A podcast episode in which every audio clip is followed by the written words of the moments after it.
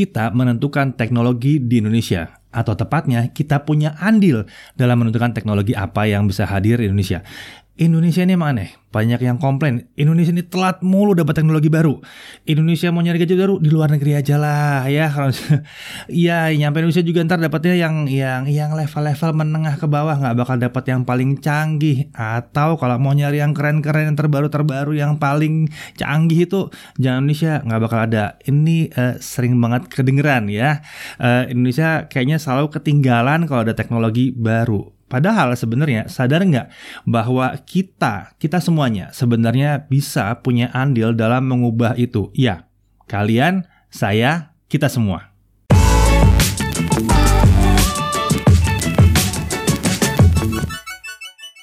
Oke, pertama-tama saya harus bilang dulu bersiap-siap karena podcast ini mungkin akan sedikit rumit untuk membahas hal yang sederhana.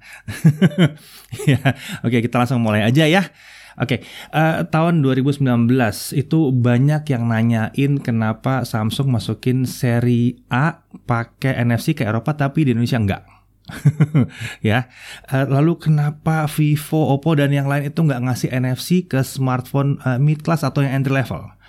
Terus uh, ada lagi yang nanya soal mana sih Google Smart Devices? Oh, wah akhirnya Nest datang ya, walaupun yang kecil gitu, yang gede mana gitu, belum datang juga gitu. Dan itu udah lama banget sebetulnya. Harusnya ada versi awalnya kayak Google Home Mini gitu kan, itu nggak nggak nongol ke Indonesia gitu ya. Apalagi Alexa Devices tuh nggak datang gitu ya. Uh, banyak yang banyak mempertanyakan kenapa sih yang kayak gini-gini nih nggak datang ke Indonesia? Kenapa banyak banget yang kita kebagiannya itu versi-versi bawahnya terus gitu. Nah, kita lihat ada beberapa faktor, banyak faktor sebenarnya, beberapa faktor misalnya ya, faktor kemampuan produksi ya untuk smartphone kan ada TKDN. Jadi ya bisa jadi sebagian kan produksinya memang harus Indonesia, terutama yang mid to entry level. Jadi ini bisa menentukan. Tapi kalau sekarang sih kayaknya udah enggak. Di awal-awal mungkin iya. Dulu sempat ada masalah dengan uh, perakitan gitu ya karena mesinnya baru datengin segala macam. Sekarang sih harusnya udah enggak. Lalu bisa juga jadi karena asumsi faktor daya beli. Asumsi asumsi ini. Kenapa saya bilang asumsi? Ini sering jadi faktor. Uh, kalian saya nggak tahu ingat nggak dulu LG pernah masukin G5 smartphone G5. Sorry bukan G5, G5 SE pada masanya G5 gitu ya. Kenapa G5 SE yang masuk Indonesia? Karena versi SE atau SI ini yang lebih murah dan Indonesia dikategorikan lebih cocok untuk G5 SI. Oh, saya tidak mengada-ada karena saya waktu itu nanya langsung sama LG dan jawabannya adalah seperti itu ya. Jawabannya memang uh, dirasakan memang SI ini lebih cocok untuk market Indonesia. Lalu Huawei dulu itu ngimpor tuh hanya smartphone seri-seri murah doang. Bener-bener entry level entry level yang laku yang yang yang di tahunnya entry level terus.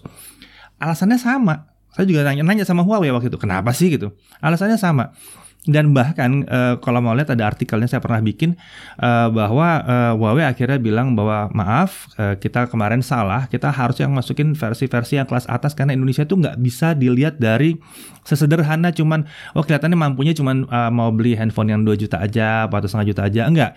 Ternyata uh, flagship itu penting buat ada di Indonesia karena Indonesia suka yang canggih memang yang keren-keren yang yang yang yang teknologinya tinggi gitu ya Nah, hal-hal seperti ini yang yang membuat uh, apa ya, ada faktor lain yang sekarang uh, harusnya dipakai dan memang memang sekarang itu paling banyak dipakai faktor ini.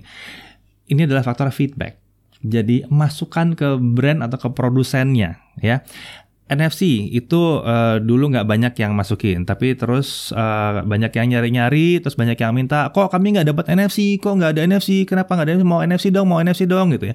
Akhirnya Samsung sama Xiaomi udah masuk nih mid mid level ya itu pakai NFC untuk Samsung itu kembali sih bukan sudah masuk sih.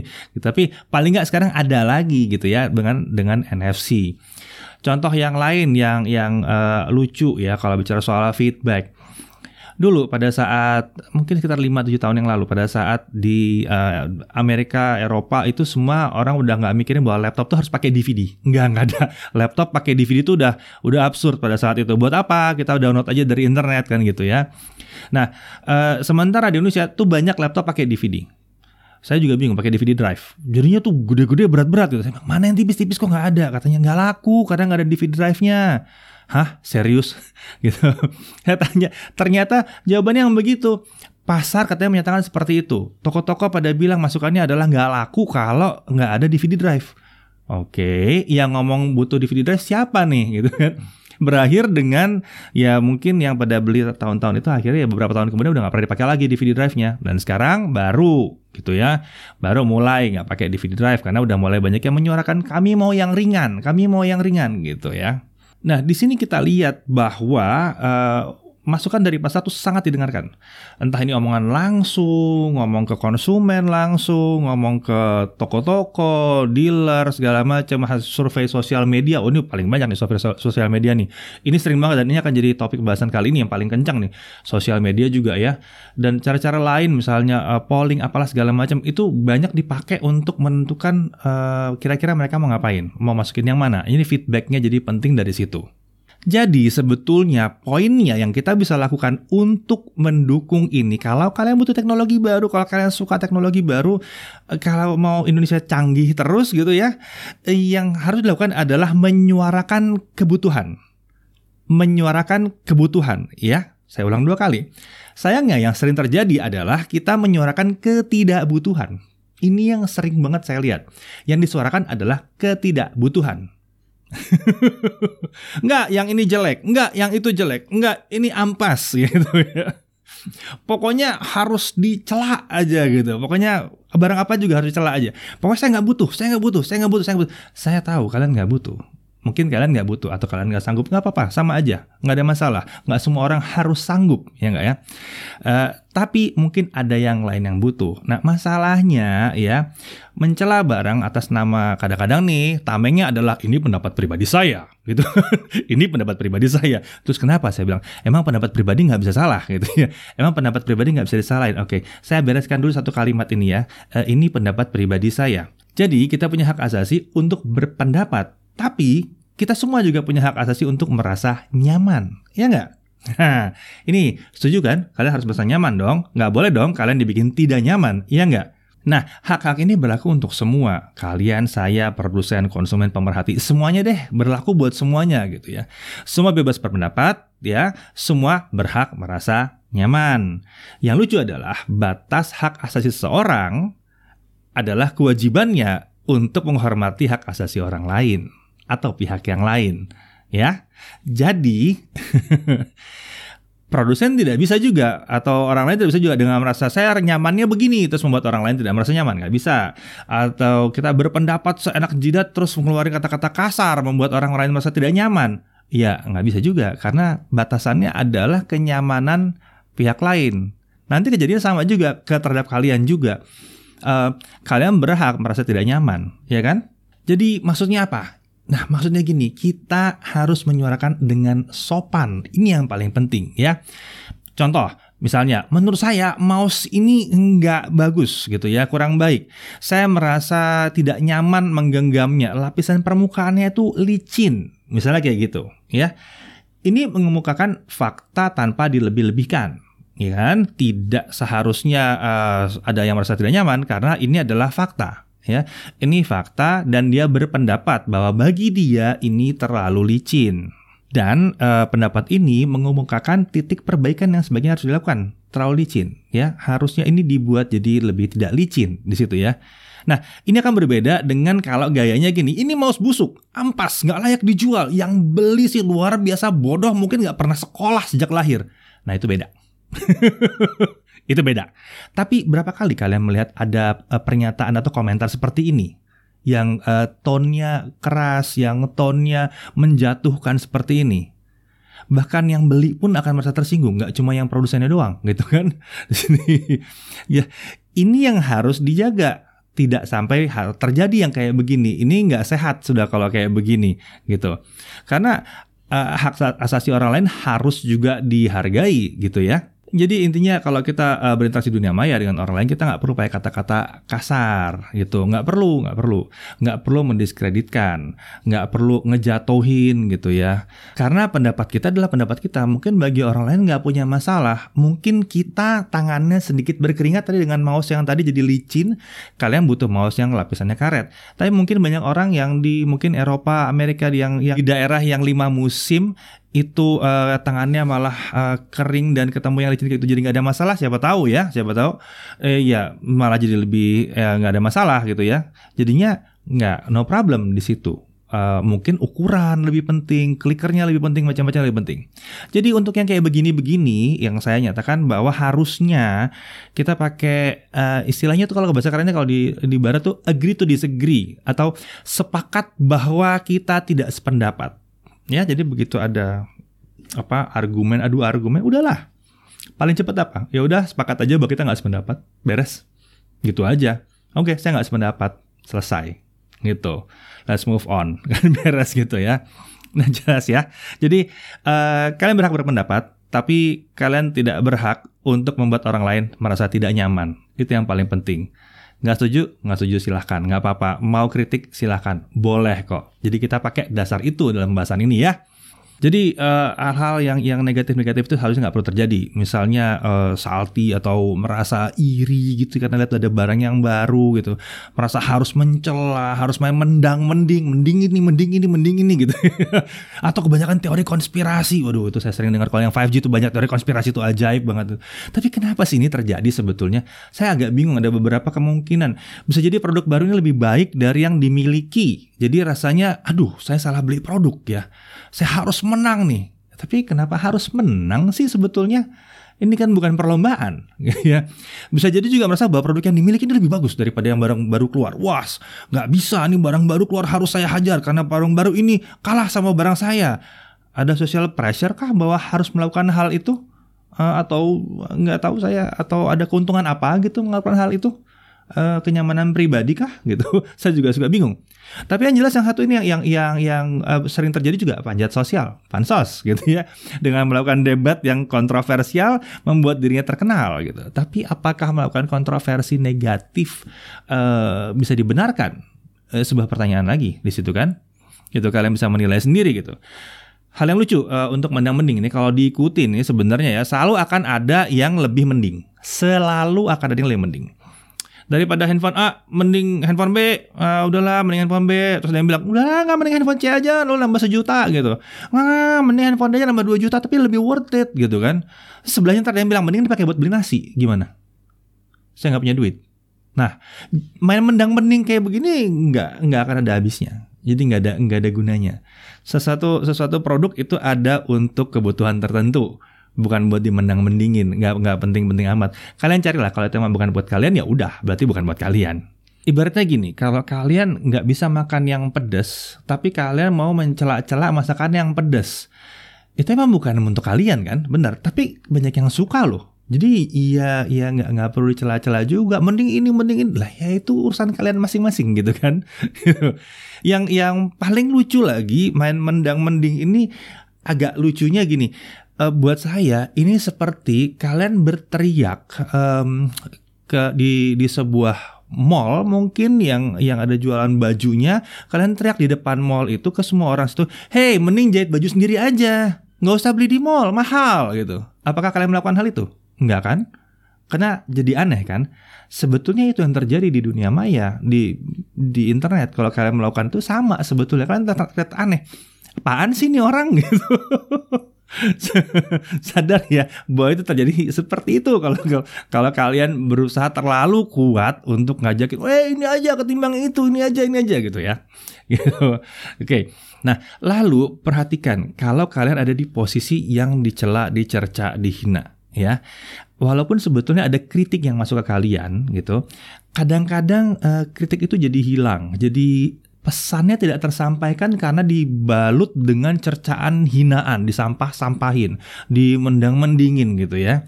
Nah, ini terjadi sama orang, pasti. Dan kalau kita bilang terhadap satu brand, satu brand itu yang yang ngejalanin siapa? Orang, manusia. Pada saat kalian membuyarkan uh, pandangan mereka terhadap apa sebetulnya kritik yang harus disampaikan, malah nggak nyampe kritiknya, malah nggak nyampe masukannya malah yang masuk adalah kesalnya doang gitu. Jadi malah clouded gitu ya, jadi ketutupan gitu malah semuanya. Jadi menghujat terlalu banyak tidak akan membuat pesan kalian tersampaikan, yang ada pesan kalian terlewatkan. Apakah itu yang kalian mau? Bisa jadi ini hujatan kalian itu malah membuat teknologi barunya nggak masuk ke Indonesia karena ingat tadi maunya apa sih nggak tahu dia orang marah-marah mulu gitu kan nggak ketahuan gitu ya.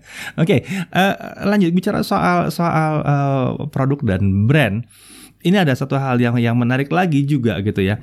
Uh, melakukan generalisasi ini ini sering banget terjadi gitu ya. Uh, brand ini jelek ah, saya udah pernah pakai. Saya tanya, kamu pakai berapa kali brand itu? Saya udah punya beli, saya udah pernah beli kok. Saya pakai lima tahun. Waduh, berantakan deh, hancur berantakan. Kamu beli berapa? Ya saya beli buat saya sendiri. Itu cuma satu. Produk Indonesia ada ribuan, mungkin puluhan ribu, mungkin ratusan ribu. Satu yang rusak itu adalah satu kewajaran memang memang wajar. Mau terima nggak terima memang wajar. Memang itu sebabnya ada garansi gitu karena kemungkinan kerusakan itu pasti ada ada aja dan bisa macam-macam kejadiannya gitu kan. Nah kalau misalnya kondisinya seperti ini belum saya nggak cocok untuk generalisasi. Jadi satu rusak terus satu brand disalahkan. Nah gimana dengan saya? Gimana dengan tim di di Jagat? Kita ngetes segitu banyaknya barang dan kita sudah pernah lihat semua barang pernah rusak. Apakah kita langsung bilang semua barang jelek karena semua barang pernah rusak? Kan nggak bisa gitu ya Kenyataannya nggak ada satupun brand yang luar biasa kuat nggak pernah rusak. Nggak, nggak ada satupun. Pasti ada yang pernah punya masalah. Selalu ada. Pada saat kita ambil satu masalah itu, kita angkat, kita generalisasi ke semua brand, berarti semua brand punya masalah, nggak usah beli brand apa pun. Gitu kan? Ya dong. Nah ya, coba dipikirkan dulu bahwa itu jangan dilakukan untuk generalisasi. Satu produk nggak beres, mungkin yang lain beres gitu ya. Kemudian kalau misal satu batch produk atau satu uh, generasi produk memang kurang baik atau kurang kurang pas lah ya performanya atau itu bukan berarti produsen akan tidak melakukan perbaikan sama sekali pasti dia akan melakukan perbaikan. Kalau nggak ya dia selesai ya. Jadi pasti perbaikan dilakukan. Misalnya contoh uh, ah, AMD dulu panas. Saya nggak pernah bilang bahwa AMD tidak pernah panas. Saya nggak pernah bilang itu. Mereka pernah menghasilkan prosesor dipasangkan dengan heatsink masih panas. Tapi saya juga tidak bisa bilang bahwa AMD sekarang masih panas. Saya bingung kenapa masih banyak yang bilang ini panas, ini panas, itu panas, itu panas. Asus dulu pernah dibilang itu panas katanya. Handphone Asus kayak setrikaan. Udah pernah pegang handphone Asus yang baru belum? Baik-baik aja nggak panas. Kalau toh ada yang panas, tujuannya pasti ada. Kenapa panas? Mau buang panas, gitu kan?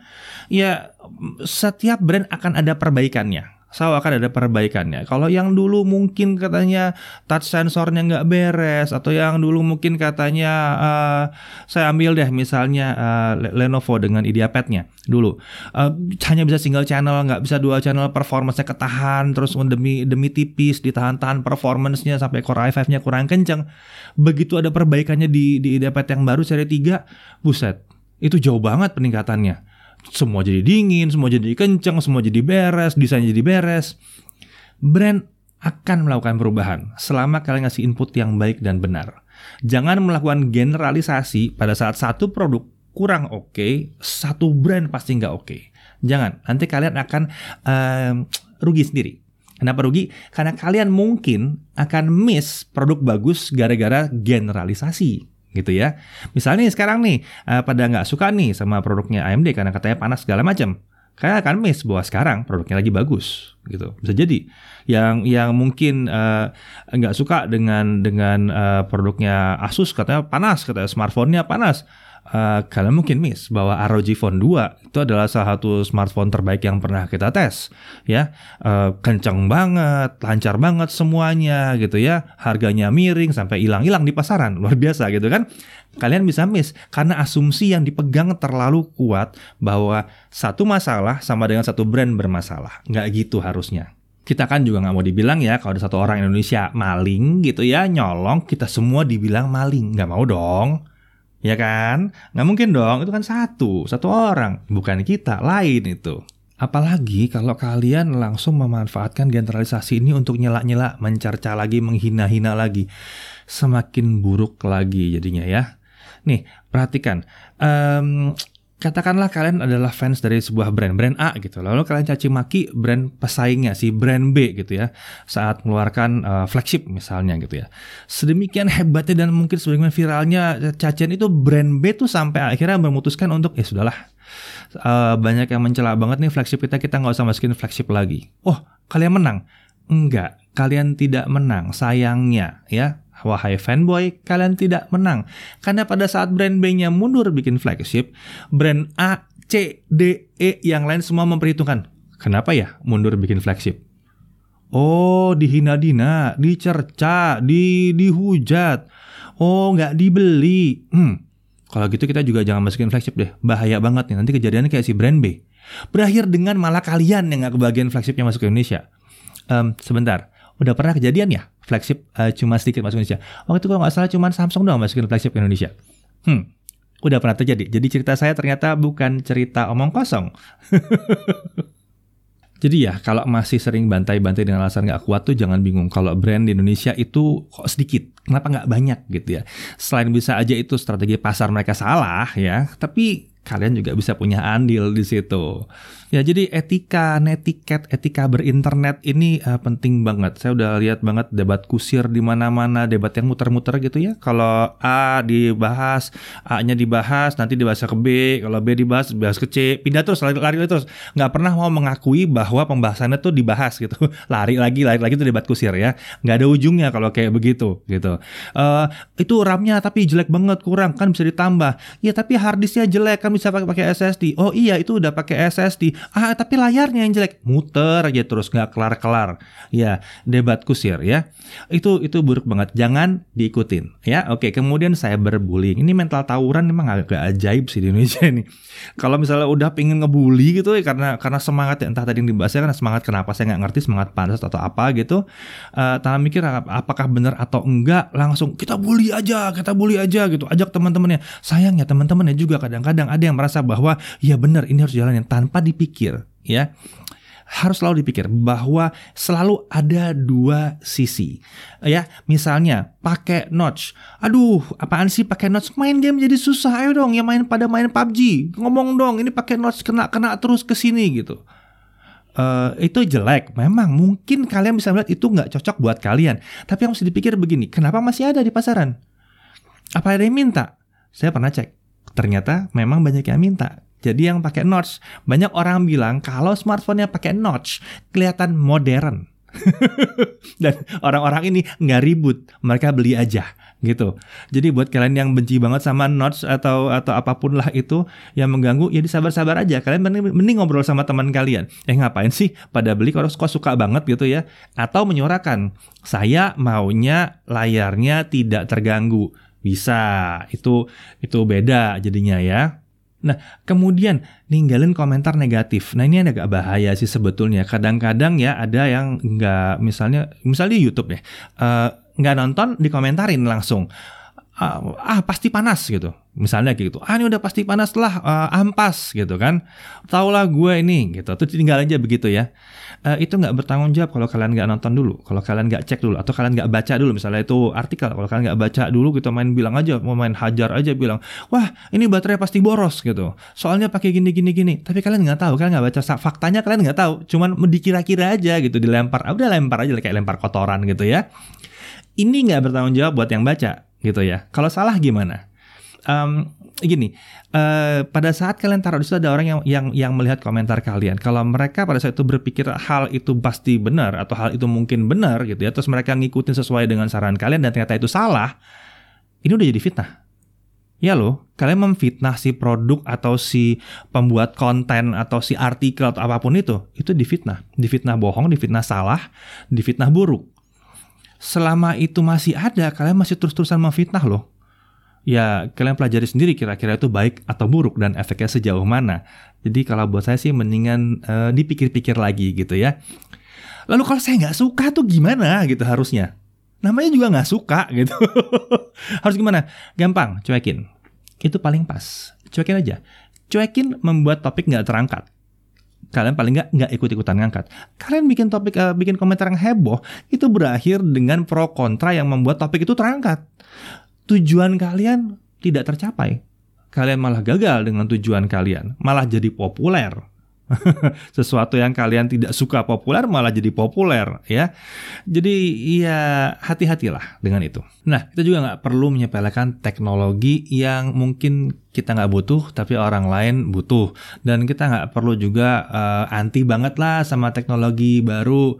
Uh, saya udah berapa kali ngalamin nih anti SSD sekarang mungkin rasanya aneh. Ada orang bilang anti SSD, aneh banget. pengalaman ya, pengalaman saya sih sekitar 2010 sampai 2012 Waduh, kalau kita bahas soal SSD, memang waktu itu masih mahal, tapi kita lihat peningkatan performanya itu luar biasa menjustifikasi kalau kalian sudah pakai device atau perangkat-perangkat uh, laptop-laptop atau desktop yang memang performanya oke. Okay. Itu luar biasa membantu sekali, ya. Tapi pada saat itu, waduh, dicela-celanya kata-katanya kasar banget. Aduh, disampah-sampahin, beneran, diampas-ampasin. Dibilang bayaran lah, apalah segala macem gitu ya. Ih, abis deh pokoknya sekarang tahun 2020. Mimpi semua yang pada pakai laptop, pakai desktop yang udah paham dikit aja itu adalah harus punya SSD, harus punya SSD, harus pakai SSD. Hmm. Saya cukup yakin nih ya, sebagian orang yang dulu nyala-nyala saya, nyala-nyala kami nih atau dalam pembahasan SSD di tahun 2010-2012 itu, sekarang nih sebagian besar mungkin udah pakai SSD dan mereka tidak ngaku bahwa mereka dulu salah mencela-cela. mereka nggak nggak nggak bakal ngaku. Padahal celaan mereka, hujatan mereka pada saat itu itu jelas-jelas menghambat. Karena produsen itu semua pada nanya, Dad gimana ya? Ini kayaknya pada banyak yang nggak suka sama SSD. Enggak, tenang, ini barang bagus kok gitu ya. Banyak yang nanyain, ini gimana, ini gimana? Uh, terhambat, bener terhambat. Banyak brand yang jadi nggak berani masukin dulu gitu, nahan-nahan dulu, takut nanti dicela, dihina, dihujat gitu. Saya walaupun akhirnya sih masuk, tapi itu juga sebabnya kenapa laptop di Indonesia telat banget baru pakai SSD. Iya, telat. Kita dapat kedapatan laptop-laptop yang sampah mulu, sorry, sampah kadang kadang dikasih SSD jadi performanya nggak ada gitu. Kenapa? Karena takut dicela. itu masalah. Kalau dihina, dicela, dicerca ya takutnya nggak laku. Ya dong. Ya itu yang mesti dipikirkan benar-benar pada saat kalian mau berkomentar gitu ya. Lalu ada lagi uh, ah, 5G. Sama, sama. Jadi nggak usah anti teknologi baru sampai bisa kemakan hoax nih di kasusnya di 5G nih ya. Ini ini masih terjadi sekarang nih gitu. Uh, banyak aja yang nyela-nyela soal produk yang pakai 5G lah atau soal 5G-nya sendiri lah atau apa pun yang terkait itu di, dibilang ada nanti berbahaya lah, nggak sehat apa segala macem gitu. Aduh, bingung saya sampai hoax sampai dibawa-bawa gitu. Itu hanya akan menghambat 5G-nya doang. Dan ini udah dibahas sebetulnya. Kita udah beberapa kali pembahasan mengenai ini ya gitu ya. Padahal kalau dipikir-pikir ya, apakah pada saat 2G GPRS atau Edge, Edge itu ya, Edge itu masuk ke Indonesia. Apakah Indonesia udah pakai internet semua? Belum. Belum. Seluler kita pakai internet? Belum. Handphone aja masih setengah mati yang bisa yang bisa pakai 3G. Sorry, yang bisa pakai Edge atau GPRS. Masih jarang handphone yang bisa. Tapi masukkan ke Indonesia. Begitu dia masuk ke Indonesia, langsung banyak yang minta. Per permintaan terhadap handphone itu jadi ada. Handphone canggih-canggihnya jadi bisa dipakai jadi bisa masuk bisa diimpor. Berawal dari kota besar lalu kota-kota kecil mulai ada GPS juga mulai dipakai juga. Dulu bahkan pernah ada warnet ya pakai GPRS saya ingat saya pernah cerita itu ada warnet pakai GPRS memanfaatkan itu makan akhirnya. Nah nggak ada tapi pada pada saat itu kalau itu nggak ada nggak akan kepancing untuk jadi ada ya. 3G datang. Apakah 2G udah rata? Belum, belum rata. 2G-nya juga belum rata. 4G juga begitu, nah 5G datang juga ya begitulah, pasti akan begitu juga. Tapi kalau di kota besarnya belum ada teknologi tercanggihnya, ya di kota kecilnya tidak akan ke terbangun teknologi yang yang yang lebih canggih lagi dari yang sekarang dapat, nggak akan kebagian gitu penting bahwa di kota-kota besar ada dulu teknologinya bisa dimanfaatkan oleh pelajar kita segala macam untuk mengembangkan teknologi lagi. Mungkin bisa dapat teknologi atau cara-cara yang lebih murah. Nah itu bisa dipakai buat di daerah-daerah yang lebih kecil. Ya tentunya mesti dipikirin juga kalau untuk 5G ya kalau itu ditaruh di sampai pedusunan atau 4G ditaruh sampai pedusunan yang make satu satu satu desa cuma ada 10 orang misalnya gitu ya ya itu uh, masang tiangnya aja bayarnya berapa. Terus yang pakai kuotanya juga kuota cari yang murah-murah banget. Terus gimana cara mengongkosi bayar nancep tiangnya doang aja gitu itu susah gitu kan. Jadi bukan itu masalahnya. Daya beli balik lagi sebetulnya memang ada yang namanya daya beli itu tidak tercapai. Tapi yang penting adalah jangan dicela, jangan dicerca, jangan dihina dulu. Kalau enggak kalian tidak akan bisa dapat di Indonesia jadinya. Ini 5G mundur mundur mundur mundur dan kalian semua mengalami nih banyak banyak banget yang mengalami. Oke lah nggak apa-apa lah nggak penting juga nggak penting juga. Hei kita jadi tertinggal. Jangan gitu kalau nggak mau dibilang tertinggal didukung teknologi barunya. Kita itu negara dengan jumlah penduduk nomor 4 terbesar di dunia. Jadi kalau kita nge, cuman kerjaannya ngeluh, julid, gosip, mencerca, menghina, menjatuhkan, nggak guna ya, belajar menyuarakan apa yang dibutuhkan. Harusnya dengan jumlah kita, kita didengarkan, gitu ya. Kita mulai dari dari dari sendiri sendiri aja dulu lah. Nggak usah terlalu bilang wah tapi situ nggak, si ini nggak, sini nggak. Nggak usah. Kamu udah belum. Saya udah belum. Nggak usah orang lain udah atau belum. Yang penting kitanya, saya kita sendirinya udah belum. Kita sendiri dulu aja. Satu orang nularin kebaikan kedua tiga orang masih lebih baik masih lebih baik daripada berusaha untuk jadi toksik terus mempengaruhi orang banyak gitu atau nyakitin hati orang banyak buruk banget. Ya masih mending yang sedikit tapi baik daripada wah, banyak tapi buruk ya enggak? Sampaikan segala sesuatunya dengan santun sesuai dengan tujuan ya. Jangan kebawa nafsu karena itu nggak ada gunanya hanya merusak merusak pandangan orang terhadap opini apalagi mungkin juga opini terhadap Indonesia. Itu jelek banget oke uh, sebagai penutup seperti biasa saya tidak hanya mengarahkan ini ke konsumen tapi saya juga menghimbau produsen agar lebih peka menangkap mana yang hanya jeritan pansos ya dan mana yang benar-benar request atau kebutuhan dari pengguna. Jadi memang harus sedikit lebih peka. Buktinya akhir akhirnya uh, smartphone-smartphone yang pada pakai NFC jadi punya nilai poin plusnya sendiri. Konsumennya ada yang nyari spesifik itu karena NFC gitu ya. Dan para produsen uh, perhatikan bahwa biasanya ini agak susah memang ya yang butuh tuh diem. Sementara yang nggak butuh dan komentar negatif itu yang paling banyak gitu ya. Jadi memang masih butuh perbaikan. Kenapa saya bikin podcast ini? Salah satunya juga untuk untuk menggugah supaya kalau kalian butuh kalian ngomong gitu. Kalau kalian emang nggak suka terhadap A ya kalian bisa bilang sukanya yang seperti apa. Jadi kritik yang membangun lah gitu ya. Supaya mulai dari sini gitu. Supaya produsen juga gampang untuk mendengarnya Semoga akhirnya Indonesia bisa jadi sarana teknologi bukan hanya yang diimpor tapi juga untuk brand-brand lokal gitu ya. Kalau bicara brand lokal misalnya contoh Bardi itu tuh ya, itu contoh bagus tuh. Smart devices brand lokal yang terlihat mikirin apa yang cocoknya ada di Indonesia. Bukan apa yang dijamin pasti laku di Indonesia. Bukan. Tapi apa yang cocoknya. Pantasnya orang Indonesia tuh punya kayak begini yang canggih-canggih. Eh sorry. Ini eh, podcast tidak dibayar oleh Bardi sepeser pun ya. Enggak. Saya cuman amazed aja ngelihatnya ya.